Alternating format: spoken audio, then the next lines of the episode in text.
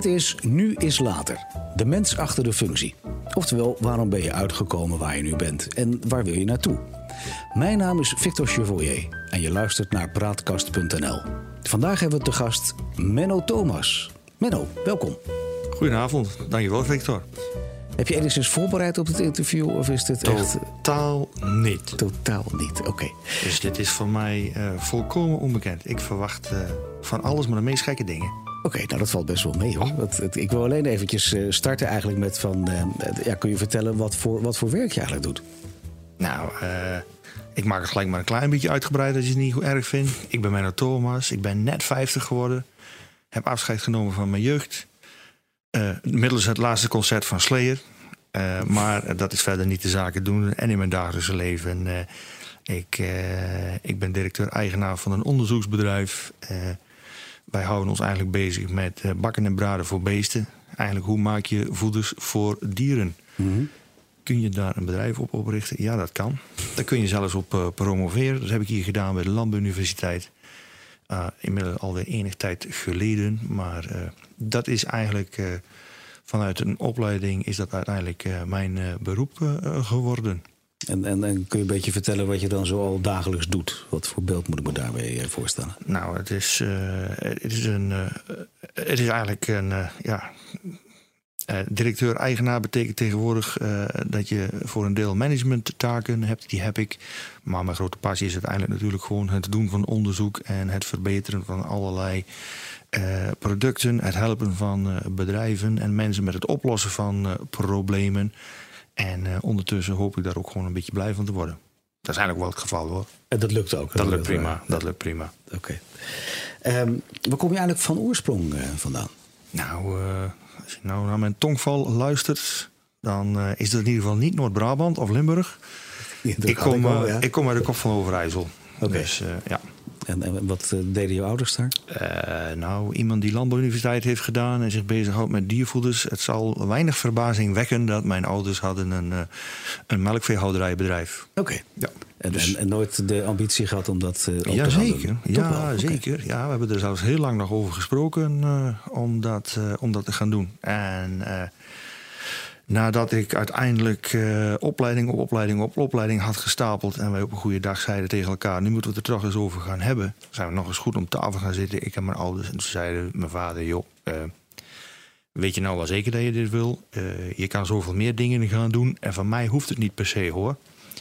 Nou, dat hebben we nog eens goed na zitten denken. Dat was eigenlijk in de periode dat ik... Nou, voelde je in die tijd ook een echte plicht dat je het eigenlijk moest doen? Een beetje een, so een sociale nee, plicht vanuit het gezin waar je vandaan komt? Nee, niet, niet helemaal. Ik, ik vond het ook wel leuk hoor. Een beetje okay. uh, landbouw is en blijft een bovenmatig interessant uh, onderwerp. Waarvan ik denk dat het de komende decennia alleen nog maar belangrijker gaat worden. Voor de wereld aan zijn geheel. Mm -hmm.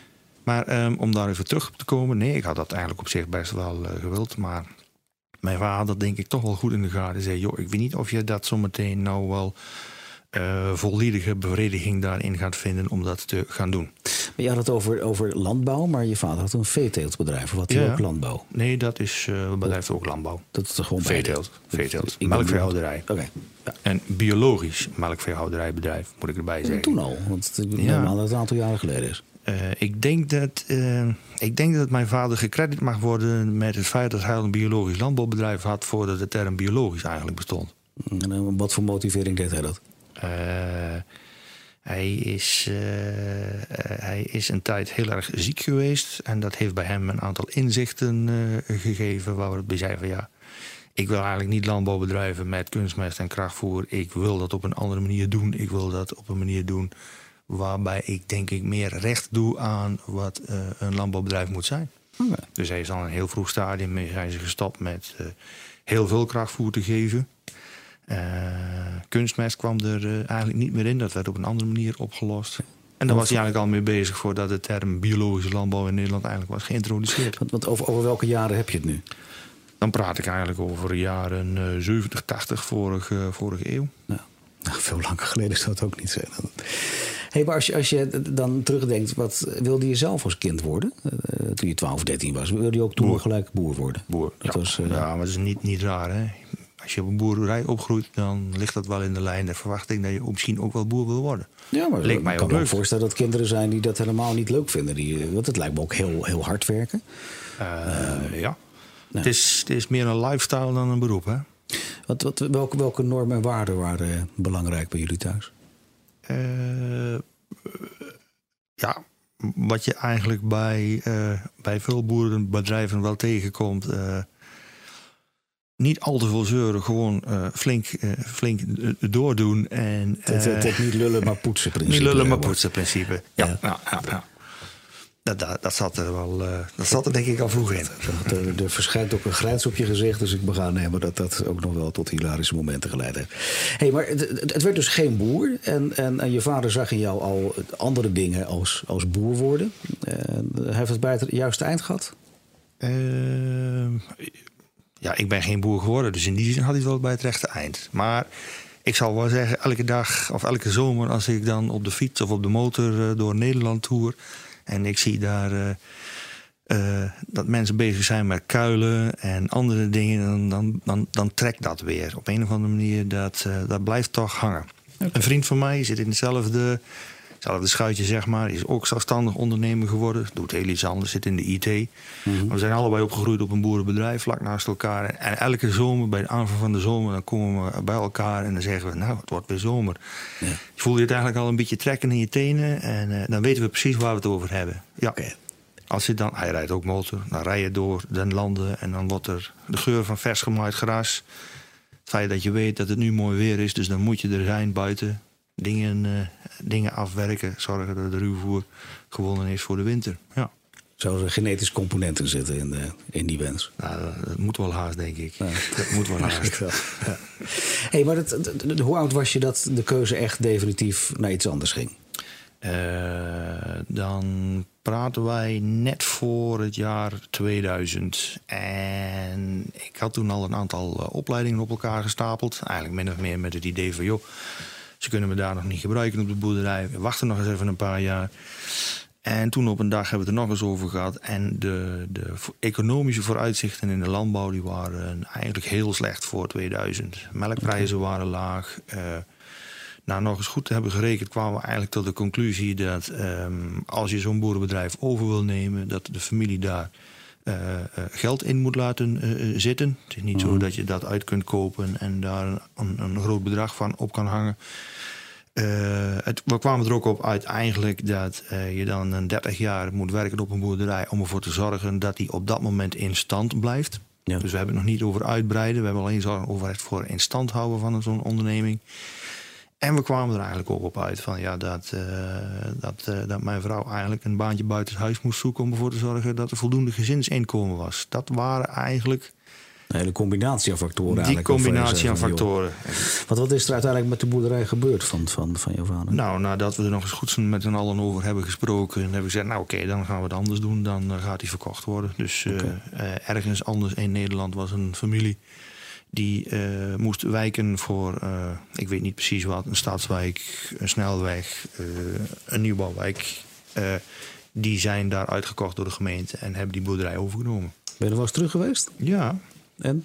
ik rijd er eigenlijk elke zomer nog wel even een keertje langs. En denk, Oh, goh, het is wel, het is wel veranderd. Ja, Oké, dat, dat hoort erbij, dat weet je. oké.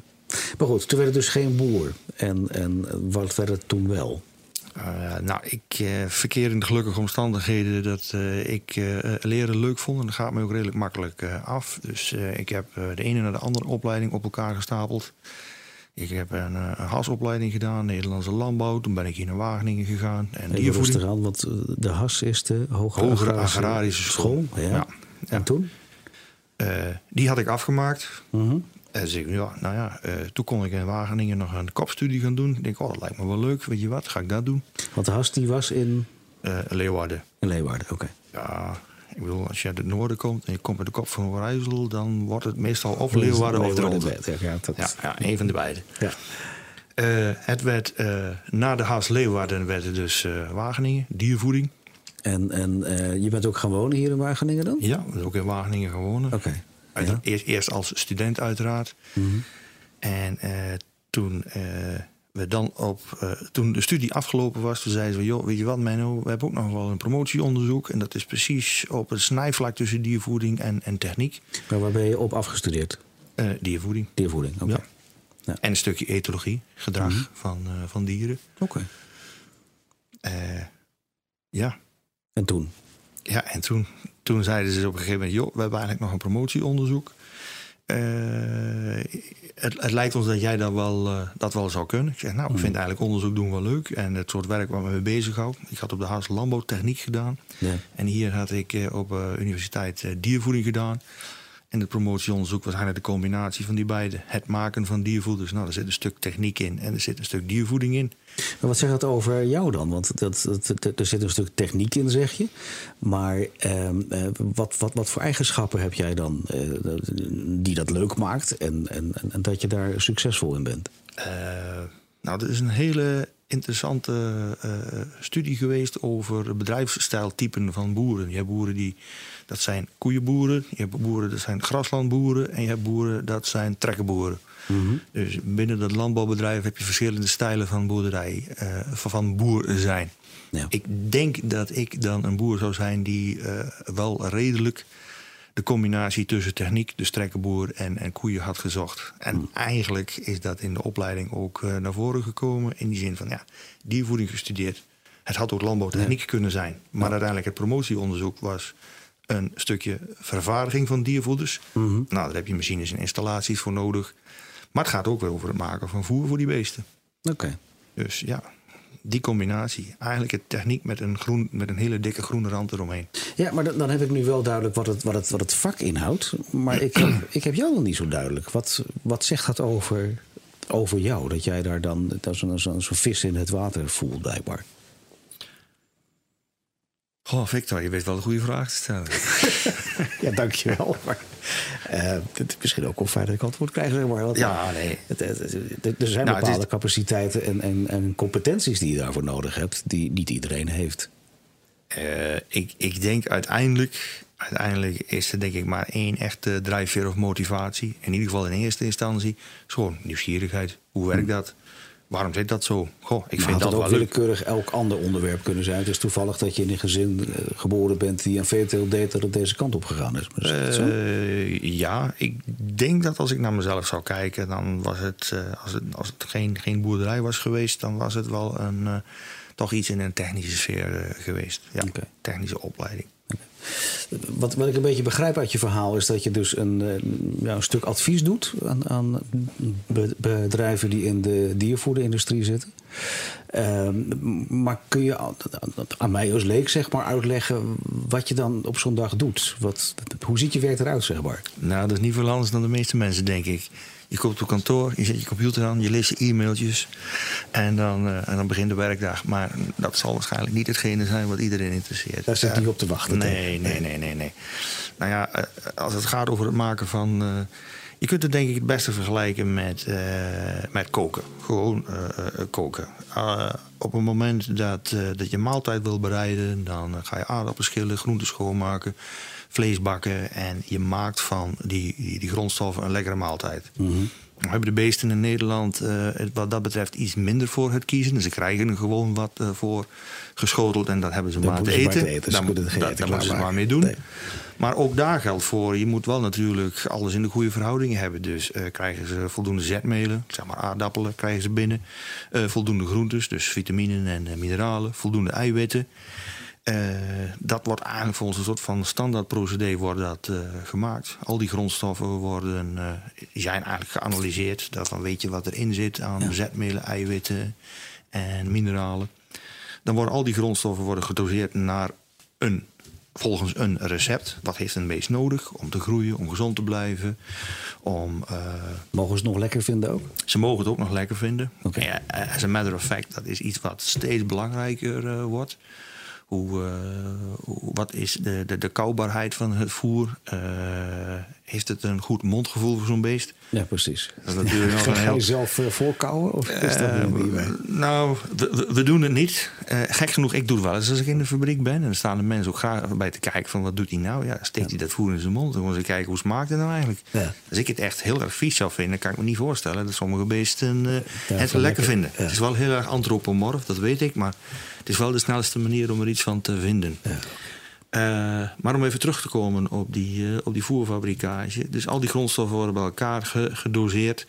En uiteindelijk worden ze met behulp van eh, stoom en warmte...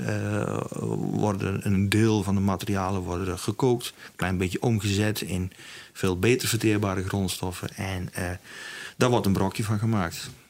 En dat is hetgene waar jij je dan mee bezighoudt. Met de hele theorie erachter. Met het uitvoeren van fabricatieprocessen. Zeg ik het goed ja, zo? Ja, ja. kunnen wij eh, bepaalde grondstoffen die misschien gifstoffen bevatten, kunnen we die dan zo behandelen dat die gifstoffen niet meer aanwezig zijn of niet meer schadelijk zijn? Mhm. Kunnen wij eh, dat voer op een goede, juiste manier eh, fabriceren? Er zijn natuurlijk heel veel alternatieve grondstoffen. Ja. Het zal niemand verbazen, de landbouw af en toe ook wel eens wat onder vuur ligt met, met bepaalde grondstoffenkeuzes. Gelukkig zijn er ook nieuwe grondstoffen die eh, komen. Denk aan algen, eiwitten uit eh, insecten. Ja, die moeten ook allemaal een plaatsje krijgen. Moeten allemaal een keer uitgetest worden en geprobeerd worden. Van, ja, hoe gaat dat eigenlijk in zo'n eh, in zo'n proces? Kunnen we, daar een, kunnen we daar een brokje van maken? Ja. Het is jammer voor die beesten, maar het voer van de meeste beesten bestaat gewoon uit standaard langwerpige brokjes. En eh, dat is ongeveer het eh, enige culinaire hoogstandje dat we voor grote landbouwhuisdieren maken. Ja. Ehm, maar dan zie ik jou achter je computer zitten waar je dan eh, de nodige e-mails binnenkrijgt zoals je net startte. Ehm, dat- kun je verder nog andere dingen Ja, vertellen die je ik- overdag doet? Ik denk dat, ik denk dat het, het werk in globaal drie gebieden uiteenvalt. Het doen van onderzoek. Als ik heel eerlijk ben, vind ik zelf wel een van de leukste dingen. Ja. Eh, er moet iets uitgezocht worden. Er is een probleem. Er, er is iets wat niet bekend is. Nou, dan ga je met de technieken die je aangeleerd wordt op, eh, op school en op een gegeven moment in de praktijk je eigen maakt, ga je een proef opzetten. En, kijken, eh, en kijken in hoeverre allerlei verschillende behandelingen al dan niet een bijdrage leveren waar je naar op zoek bent. En ook inzicht krijgen in wat gebeurt er nou eigenlijk. Betekent dat ook dat je een heel netwerk hebt van mensen die, die in hetzelfde vak zitten? Er zijn er niet zoveel van. Dat is, eh, heb je concurrenten, zeg maar? ehm, nou, niet veel. Oh, Nee, dat nee, is wel hele veel. luxe, lijkt mij. Ja, dat is het ook. Ik, Dat is het ook. Eh, het gaat ook best goed met ons, denk ik. Wat- Wat zijn, wat zijn jouw drijfveren? Waarom, waarom doe je dit? Nieuwsgierigheid. Het is gewoon pure, pure nieuwsgierigheid. Niet voor het geld, niet voor de ambitie, niet... Eh, nou, als je het op volgorde zou moeten zetten. eh eh, eerst is nieuwsgierigheid. Hoe werkt het nu eigenlijk precies? En er zit een stuk techniek in. Dat is leuk en interessant. En het gaat over grondstoffen. Die doen altijd weer net iets anders dan je eigenlijk van tevoren hebt, hebt bedacht. Maar, zou dat ook betekenen dat die nieuwsgierigheid over een x-periode naar een andere eh, groep gaat? Een Oh, ander, ja, een nou, ander ja. onderwerp gaat, zeg maar. Ja hoor, ja zeker. Eh, Ideeën? eh, mensen met nieuwsgierig, die uit hun aard nieuwsgierig zijn, die, die vinden een, heleboel onderwerpen vaak. Ja, maar wat vaak komt in jouw fantasie dan voorbij? Eh, beroepsmatig of zeg je hobbymatig? Nou Ja, misschien beide. Ik bedoel, in eerste instantie hebben we het over jouw werk, want daarvoor zitten we hier. Maar ik kan me ook voorstellen dat daar een soort spin-off ontstaat die hobbymatig wordt. Omdat je ja, bepaalde technieken bijvoorbeeld kent of bepaalde netwerken hebt. Kan ik me iets bij voorstellen. En, en, ja. Ja. Nou ja, als ik even terugkom op nieuwsgierigheid, eh, dat, is, dat is dan wel in de hele brede zin van het woord. Zoals ik al zei, eh, als je uit de landbouw komt, eh, dat is natuurlijk op een hele, hele sterke manier verweven met de maatschappij. Eh, de maatschappij vindt ook wat van landbouw. Eh, en Wil je daarmee zeggen dat je iets politieks zou, zou willen die, die daarmee rekening houdt? mm, nou, misschien niet, misschien niet direct, maar Of voel je ik maatschappelijk wel- betrokken? Waarvan Maar ik denk wel dat er maatschappelijke betrokkenheid is. Maar waar denk je aan dan? Eh, nou, we- zijn nogal, eh, we zijn nogal druk bezig om, eh, om deze wereld te, te bevolken. Er zijn nogal wat mensen op deze, op deze wereld. Die zullen op een gegeven moment toch allemaal gevoed en gelaafd moeten worden. Dat is toch een van de, hoofd, dat is de hoofddoelstelling, denk ik, van, van de landbouw. En de manier waarop dat gebeurt, ja, daar heeft ook iedereen in de maatschappij een, een opinie over. Maar er is ook een hele discussie gaande over of je überhaupt dieren moet eten of niet. Ja, Hou je daar ook mee bezig met, met, met het bedenken van alternatieven? Nee, nee dat, uh, wij, wij zitten echt nog wel aan de kant zeg maar, van de, de, de primaire landbouw. Uh, het, het maken van voeders en voeding voor, uh, voor beesten.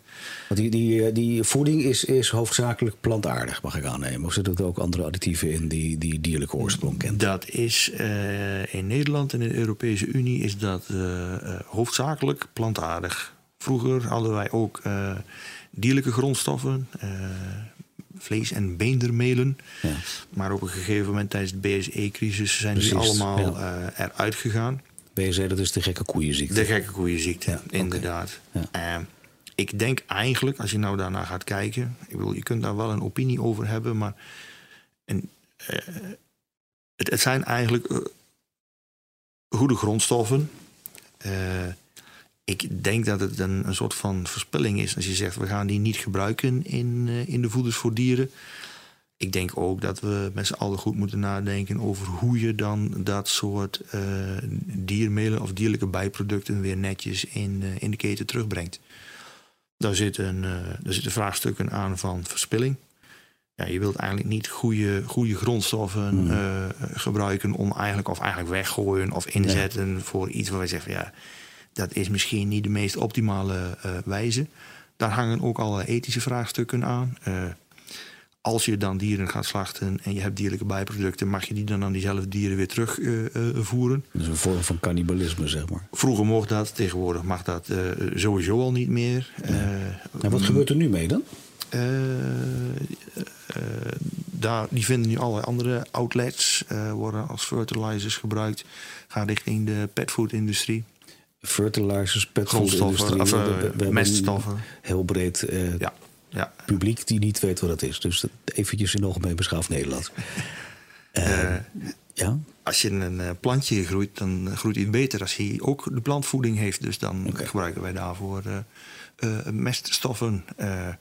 onze huisdieren, honden en katten, ja, dat zijn, die, die kunnen wel plantaardige grondstoffen in, in zekere mate uh, uh, verteren, maar daar zijn ze niet op ingericht. Dus een louter vegetarisch brokje voor je kat, daar doe je dat beest geen plezier mee. Daar zullen toch. Uh, gaat niet goed komen. Dierlijke, beestjes, ja. Nee, dat gaat niet goed komen, hoe, hoe, hoe graag sommige mensen dat ook zouden willen. Maar een kat is nou één keer geen, geen groenteeter nee. van nature. Maar wat, wat zou je zelf voor rol willen hebben in het hele proces waar we het net over hebben? Want we hebben het over verandering van. van... Nou, ik, ik, ik, zie mijn rol op dit moment inderdaad nog als, als eigenlijk uh, meehelpen, ondersteunen, kijken hoe, hoe bepaalde processen uh, in die vervaardiging beter kunnen.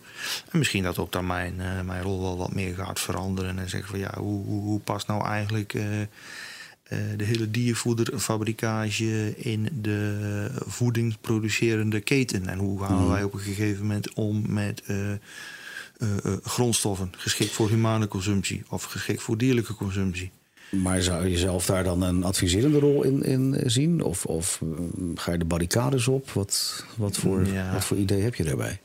De barricades opgaan, dat, dat zie ik nog niet zo 1, 2, 3 als mijn uh, hoofddoelstelling. Dan zou ik liever uh, op de achtergrond uh, met mensen meepraten en zeggen van ja, hoe gaan wij dat nou eigenlijk aanpakken? Hoe willen wij omgaan met. Voelt je niet politiek Jawel, om iets te doen. Jawel, maar uh, nog niet zo politiek dat ik zeg maar, uh, daar gelijk barricades denk voor nodig hebben. Okay. En verkeersborden en straatstenen uit de grond trekken en daarmee gaan gooien. Uh, nee. We maken er geen zwarte pieten discussie van. Maar we hebben het eigenlijk over een toekomstige verandering in het leven van Menno Thomas. Um, wat is de, jouw grootste verandering tot nu toe geweest? En dat hoeft niet specifiek zakelijk te zijn, mag alles zijn wat heeft jou gevormd tot wat je bent? Er zijn legio aan veranderingen geweest, mag ik zo aannemen. Maar wat is nou de meest elementaire geweest? Ik denk je dat als je in het leven van tevoren uh, je begint en je kijkt daarnaar en denkt wat wil ik nou eigenlijk later gaan worden, wat wil ik gaan doen, dan, dan is dat een richting die je opgaat. En je moet je af en toe ook een beetje laten verrassen van hoe het, hoe het loopt. Hmm. Dus ik ben uiteindelijk, denk ik, heel gelukkig terechtgekomen. In die zin van dat ik een paar goede opleidingen heb kunnen doen en afmaken. En dat heeft voor mij de mogelijkheid dan uiteindelijk gegeven om dat te kunnen doen wat ik leuk vind. Dus een stukje nieuwsgierigheid. Het, het zowel praktisch als theoretisch bezig kunnen zijn met iets waarvan ik denk van nou dat heeft grote impact voor wat er. Dat heeft impact op wat er in de maatschappij gebeurt. En daar groei je dan op een gegeven moment in.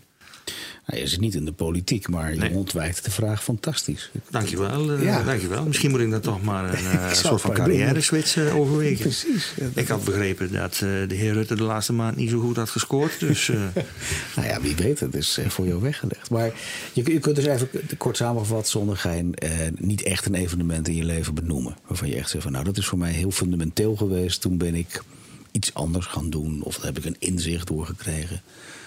Uh, is dat er? Nee, ik zou dat denk ik zo niet. Uh, ik zou dat zo niet willen zeggen. Uh, ik denk dat voor mij persoonlijk dingen als beslissingsvrijheid en een zekere mate van vrijheid om te kunnen doen wat je wil. Dat klinkt misschien wel wat. dat wil iedereen, denk ik. Maar daar invulling aan geven. Mhm. Eigenlijk het, een, eigen, een eigen onderneming starten is eigenlijk meer ingegeven door de door uh, de, de wil om, uh, om, om inhoudelijk met je vakgebied bezig te zijn en om daar zelf beslissingen in te kunnen nemen van ga ik vandaag links of rechts. Ja. Dan uh, dat dat in is gegeven door overwegingen van financiële aard. Okay. Nee, nee, nee. Dat, dat, uh, dat is natuurlijk leuk als het, als het goed dreigt te gaan met je onderneming. Dat hoop ik voor iedereen. Je verrassend naar je bankrekening kijkt en denkt, nou ja, nou, leuke bijkomstigheid. Ja, maar dat is niet jouw nee, hoofddoel. Nee, dat is, dat, dat is niet het hoofddoel. Nee, nee, Ja, je doet het wel een beetje voorkomen. En misschien terecht hoor, dat het allemaal erg heeft meegezeten tot nu toe in jouw leven. Uh, maar zijn er ook mislukkingen geweest waar je van oh, denkt van, nou, ja. daar... Uh, ja, ja, ja, ja. Kun je daar wat over vertellen? Er zijn wel wat uh, zware periodes geweest in, uh, in, in, in ook ons, uh, in ons leven. Ik denk niet dat ik daar nou heel veel over uit ga wijden. Maar dat zijn dan wel eigenlijk de momenten dat je op een gegeven moment een beslissing neemt en zegt nou, we gaan het nu gewoon anders doen. we gaan in plaats van door, door akkeren op de weg waar we nu op zitten gaan we een aantal dingen anders doen. En dat heeft er uiteindelijk bij mij uh, in geresulteerd dat ik zeg, nou ja, voordat ik 40 ben, wil ik in ieder geval mijn eigen onderneming hebben. Hm. een stuk, uh, stuk van ideologie om proberen invulling te geven van wat je zelf leuk vindt. Ja. Ik, ik, ik, ik, zie dat dat wat is wat je, waar je liever niet over praat. Heb ik dat goed? Ja, ik denk niet dat dat zo relevant is. Oké, dan, dan houden we het daar gewoon even netjes bij. Nee, is prima. Um, als je er zakelijk kijkt, uh, wat is het grootste probleem geweest wat je eigenlijk uh, gezien hebt? Waarvan je dacht van, hé, hey, dat heb ik niet zien aankomen en daar zit ik nu. uh, iedereen die, die denk ik een eigen bedrijf begint, heeft natuurlijk een, een, een, beeld voor ogen van, nou, ik denk dat het er zo uit gaat zien en eh, zo wil ik het gaan invullen. En gaandeweg dat een onderneming zich verder gaat ontwikkelen, kom je eigenlijk tot de conclusie dat de realiteit vaak wat anders is dan het misschien wat idealistische beeld dat je van tevoren had. Kun je daar een voorbeeld van doen? Uh, op een gegeven moment ging het bij ons best goed. En uh, kwamen er uh, mensen in dienst, kreeg ik collega's. En hoe leuk dat ook is, het wil niet zeggen dat als je een techneutische insteek hebt, dat dat nou ertoe leidt dat je toch ook maar gelijk de beste manager ter wereld bent. Ja. Dus dat. Uh, Dan liep je tegenaan dat je eigenlijk wel wist waarmee je bezig was, maar om die managementvaardigheden, leidinggevende vaardigheden, daar liep je tegenaan dat je daar een beetje op mank liep. Uh, dat, dat zijn dingen die moet je je ook eigen maken. En, Hoe heb je dat jezelf eigen kunnen maken? En, geprobeerd veel te luisteren naar andere mensen en op een gegeven moment tot de conclusie komen en zeggen: ja, dan moet je echt, als, je, als, als, dit, als dit een issue is in een onderneming, en dat is het altijd, want mm. Uh, zowel voor je collega's als voor jezelf moet je toch proberen de dingen helder te krijgen van waarom, waarom doen we bepaalde zaken. Is uiteindelijk gewoon niet eigenwijs zijn en gewoon naar, naar andere mensen toestappen en zeggen: joh technisch gezien, ik kan heus wel wat sommetjes uitrekenen. Ik kan wel uitrekenen en bepalen hoe een fabriek eruit moet komen te zien. Maar Kunnen jullie mij eens helpen hoe dat nou precies zit met communicatie tussen mensen? En hoe kan ik nou, wat ik graag zou willen, hoe kan ik de boodschap overbrengen? Mhm. Eh, hoe krijg ik andere mensen eh, ook gemotiveerd en geïnspireerd om eh, mee te doen op, eh, op die trein die Ja. een onderneming op een gegeven moment toch is? Dus eigenlijk zeg je dat je een beetje autodidactisch bent, maar, maar niet te hoogmoedig om ook aan, aan derden te vragen hoe dat eigenlijk zou moeten. Maar je hebt niet echt specifieke managementopleidingen gevolgd of zo. Nee, nee, nee, nee, nee. nee. Ehm, dat, daar, daar komt op een gegeven moment vanzelf in elke groeiende onderneming de noodzaak om, eh, om, om na te denken van ja, hoe gaan we dat nou eigenlijk doen? Ja. In het begin het idee is er van, goh, ik vind het leuk om mij daarmee bezig te houden. Dus die technische vaardigheden en inzichten, daar ga je mee aan de gang. Maar ja, op een gegeven moment, eh hey, het succes is eh, daar. eh, er komen meer klussen binnen en er moeten mensen bij. Ja. En ja, dan gaat denk ik iedere onderneming door hetzelfde pad van eh, groeipijnen eh, heen. Van ja, welke mensen moet ik hebben? Past dat bij mij? Is de idee die ik heb over hoe een onderneming in elkaar steekt... is dat ook datgene wat mijn nieuwe collega's eigenlijk die hetzelfde eh, beeld vinden? hebben, zeg die maar. datzelfde beeld. Ja. En dan komt er gewoon een punt dat eh, als je daar niet specifiek eh, opleidingen in hebt gehad, je moet gaan zeggen, ja, misschien moet ik toch gewoon eens aan andere mensen vragen van, kunnen jullie me bijspijkeren of eh, leg eens uit hoe dat nou eigenlijk precies zit of hoe doen jullie dat nou eigenlijk? Ja. En dat zijn hele, hele nuttige ervaringen, waarbij je ook gewoon eh, wel eens naar jezelf moet gaan kijken en zeggen, van, ja, eh, hoe zit ik daar eigenlijk eh, in? En dan kom je vaak tot de conclusie dat de visie wel eens wat eenzijdig kan, kan zijn. Ja. Ja, Ja. En, en, en daar, daar durf je wel dan jezelf bij te sturen en, en andere richtingen op te gaan, zeg maar. jazeker. Want als je het niet doet, uiteindelijk heb je jezelf ermee en daarmee heb je je collega's ermee en iedereen in je naaste omgeving. Precies. En het, het is ook, eh, ik, ik noem dan het begin, ik zeg ja, nieuwsgierigheid is de motivatie geweest om Ja. een eigen bedrijf te beginnen. Eh, en die nieuwsgierigheid is vrij breed. Dus op een gegeven moment denk je van, ja, goh, als ik daar nou ook wat meer van af weet, misschien gaat het dan wel beter. Hoe werkt dat nou eigenlijk? Ja, dan gaat het. Gaat Hoe gaat dat nou dieper. eigenlijk? Ja, Hoe het precies. eigenlijk mensen die communiceren? Wij praten in een microfoon en wij kijken elkaar aan. Eh, maar dat is eh, maar één aspect wat jullie, de luisteraar, alleen maar meekrijgen dat wij hier in die microfoon zitten praten. Maar er gebeurt natuurlijk veel meer. Dus ja. Hoe lang be- bestaat jouw bedrijf nu, eh, Menno? Wij, eh, wij hebben meer dan tien. We hebben in eh, vorig jaar in, eh, in 2017 hebben we ons tienjarig bestaan mogen vieren. Dus de eerste moeilijke vijf jaar, waarin een heel groot deel van de onderneming het uiteindelijk toch niet redt. Ja, die heb je ruimschoots wij, overleefd. die zijn we voorbij. Stel nu hè, dat je terug zou kunnen naar het jaar 2007, dat jouw plannen voor dit bedrijf begon. En jij mag nu als eh, de Menno uit 2018 jezelf adviseren in 2007. Wat, wat, wat zouden de meest grote adviezen zijn? Dat is een experimentje met NS1, eh, Victor. Eh, Voor de wetenschappelijke luisteraars onder ons, die begrijpen precies wat ik bedoel. Ja. Nou, ik dus totaal niet, dus leg maar even uit dat. Nee, dat, is, dat houden we dan ook even zo. Nou. Wat zou ik anders doen? Ehm, ik, denk dat eh, eh, eh, communicatie, omgang met collega's, daar. Ik denk dat we daar met z'n allen wel een grote sprong in hebben gemaakt. En met alle ervaringen van de afgelopen tien jaar zou ik zeggen, nou een aantal elementaire. Een aantal elementaire foutjes die, die iedereen waarschijnlijk wel maakt, die zou ik niet meer.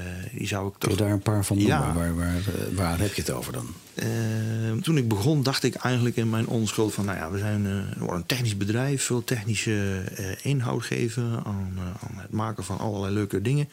Ik heb gewoon een stuk of tien klonen van mezelf nodig en die zet ik er gewoon naast en dan gaan we met z'n allen leuke dingen doen. Nou, inmiddels ben ik erachter gekomen dat het zo niet werkt. Diversiteit levert vaak toch uiteindelijk een beter resultaat op. Dus eh, je moet niet allemaal mensen van hetzelfde pluimage eh, hebben. En eh, ik denk ook dat je gewoon zo eerlijk moet zijn en zeggen... als iemand eh, van plan is om zelf een bedrijf op te richten...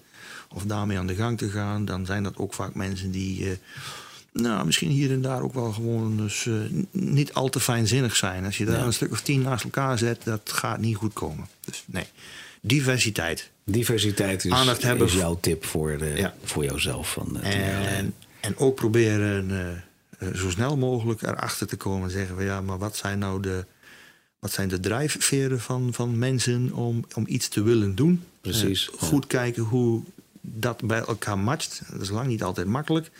En dan proberen een, een, binnen een team het zo te doen dat dat iedereen de ruimte krijgt en heeft om, om daar volledig gebruik van te maken. Ja. Leuk. Ik denk dat hele grote ondernemers, Richard Branson, ja. Elon Musk, ik denk dat dat mensen zijn die gewoon heel goed oog hebben voor capaciteiten van mensen. En mm. uiteindelijk denk ik zoiets in een team kunnen kunnen samensmelten. Met, met, met die kennis die je dan nu hebt, hè? durf je dan vijf jaar naar voren te kijken? Waar, uh, ja, waar leven en welzijn? Waar zou jij zijn in uh, 2023?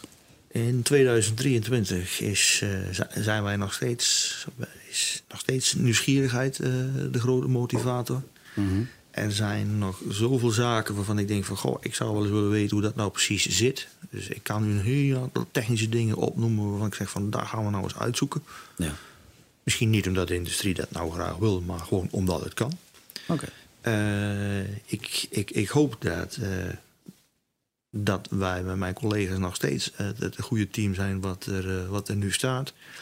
En dat wij nog steeds kunnen werken aan een kwalitatief hoog kwalitatief goede, goede projecten. Ja, ik hoor eigenlijk een soort, een soort voortzetting van wat je doet. Het is niet dat er nieuwe dingen aan de horizon zijn die jij als mens Menno Thomas zou willen of die je met het bedrijf zou willen. Het is eigenlijk op koers blijven. Uh, elke keer als ik die vraag kijk en ik doe mijn ogen dicht en ik denk bij mezelf, maar wat zou je nou eigenlijk willen? Dan, dan kom ik eigenlijk toch weer gewoon terug van ja, datgene doen wat ik eigenlijk leuk vind. Dus proberen. Uh, waar, haal je dan zelf de inspiratie eh, uit? Een, een, een drijfveer is nog steeds uh, gewoon uh, uitzoeken hoe zit het nou in elkaar. Dus, uh, en, dat is die nieuwsgierigheid. Dat is gewoon nieuw, nieuwsgierigheid. Okay. Dat is de nieuwsgierigheid. En ik merk dat. maar is het niet een bepaalde omgeving wat je ook inspireert? Of, of... Ja, ja, zeker. familie, gezin, mm. vrienden, bekenden.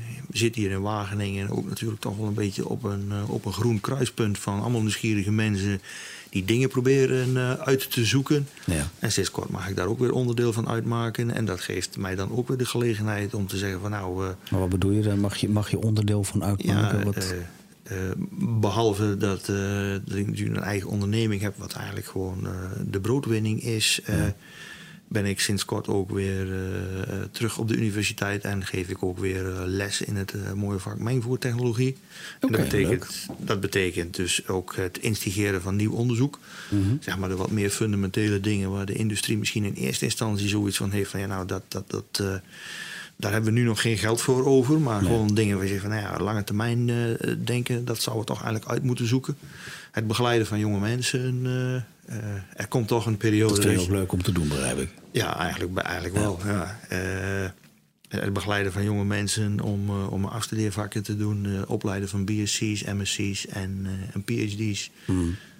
En ja, dat, dat, geeft dan ook, eigenlijk ook tegelijkertijd geeft het, je, geeft het mij dan de mogelijkheid om zo even met een schuin oog te kijken van wat gebeurt er allemaal. En ja. al die dingen die zij uitzoeken, ja, die kan ik dan ook. je blijft goed op de hoogte, zo zeg maar. ja, en ik mag het zelfs voor een deel instigeren. Dus nou, dat is natuurlijk fantastisch. Heel gaaf. Ja.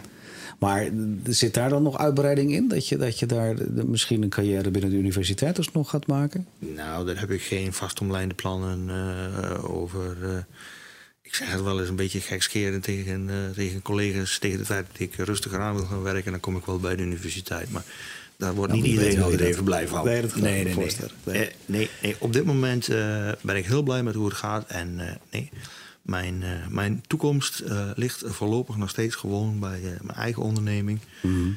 Waarin ik dan kan doen en uitwerken wat ik denk dat.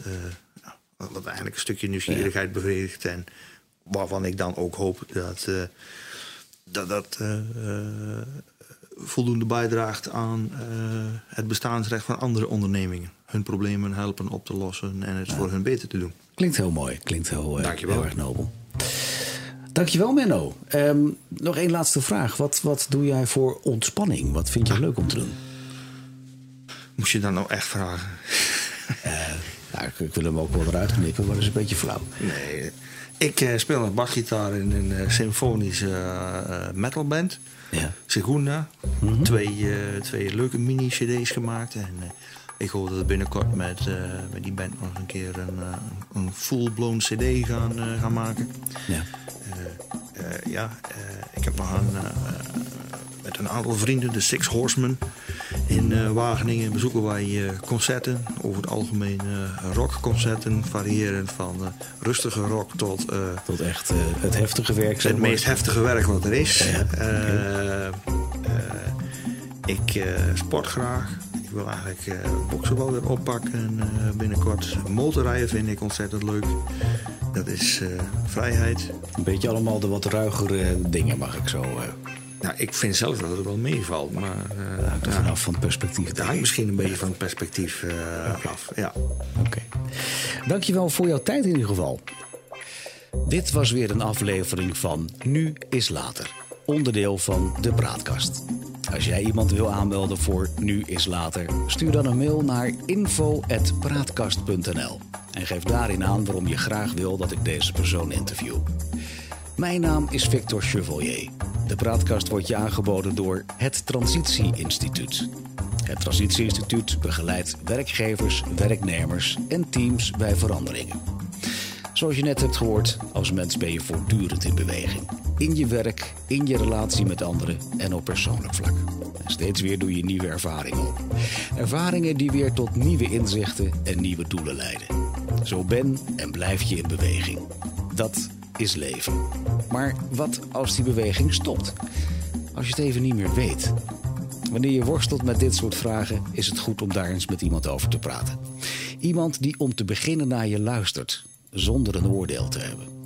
De werkwijze van het Transitie Instituut kenmerkt zich door aandacht, respect en de waardering voor wie jij bent als mens.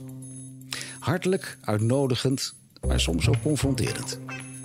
Wat je vraag of probleemstelling ook is, je kunt altijd bij het Transitie Instituut terecht voor een kosteloos eerste gesprek. Als jij of je organisatie ook toe is aan verandering, kijk dan op transitie.nu. Wees welkom. Dankjewel voor het luisteren naar Nu is Later van de Praatkast. En graag tot de volgende keer.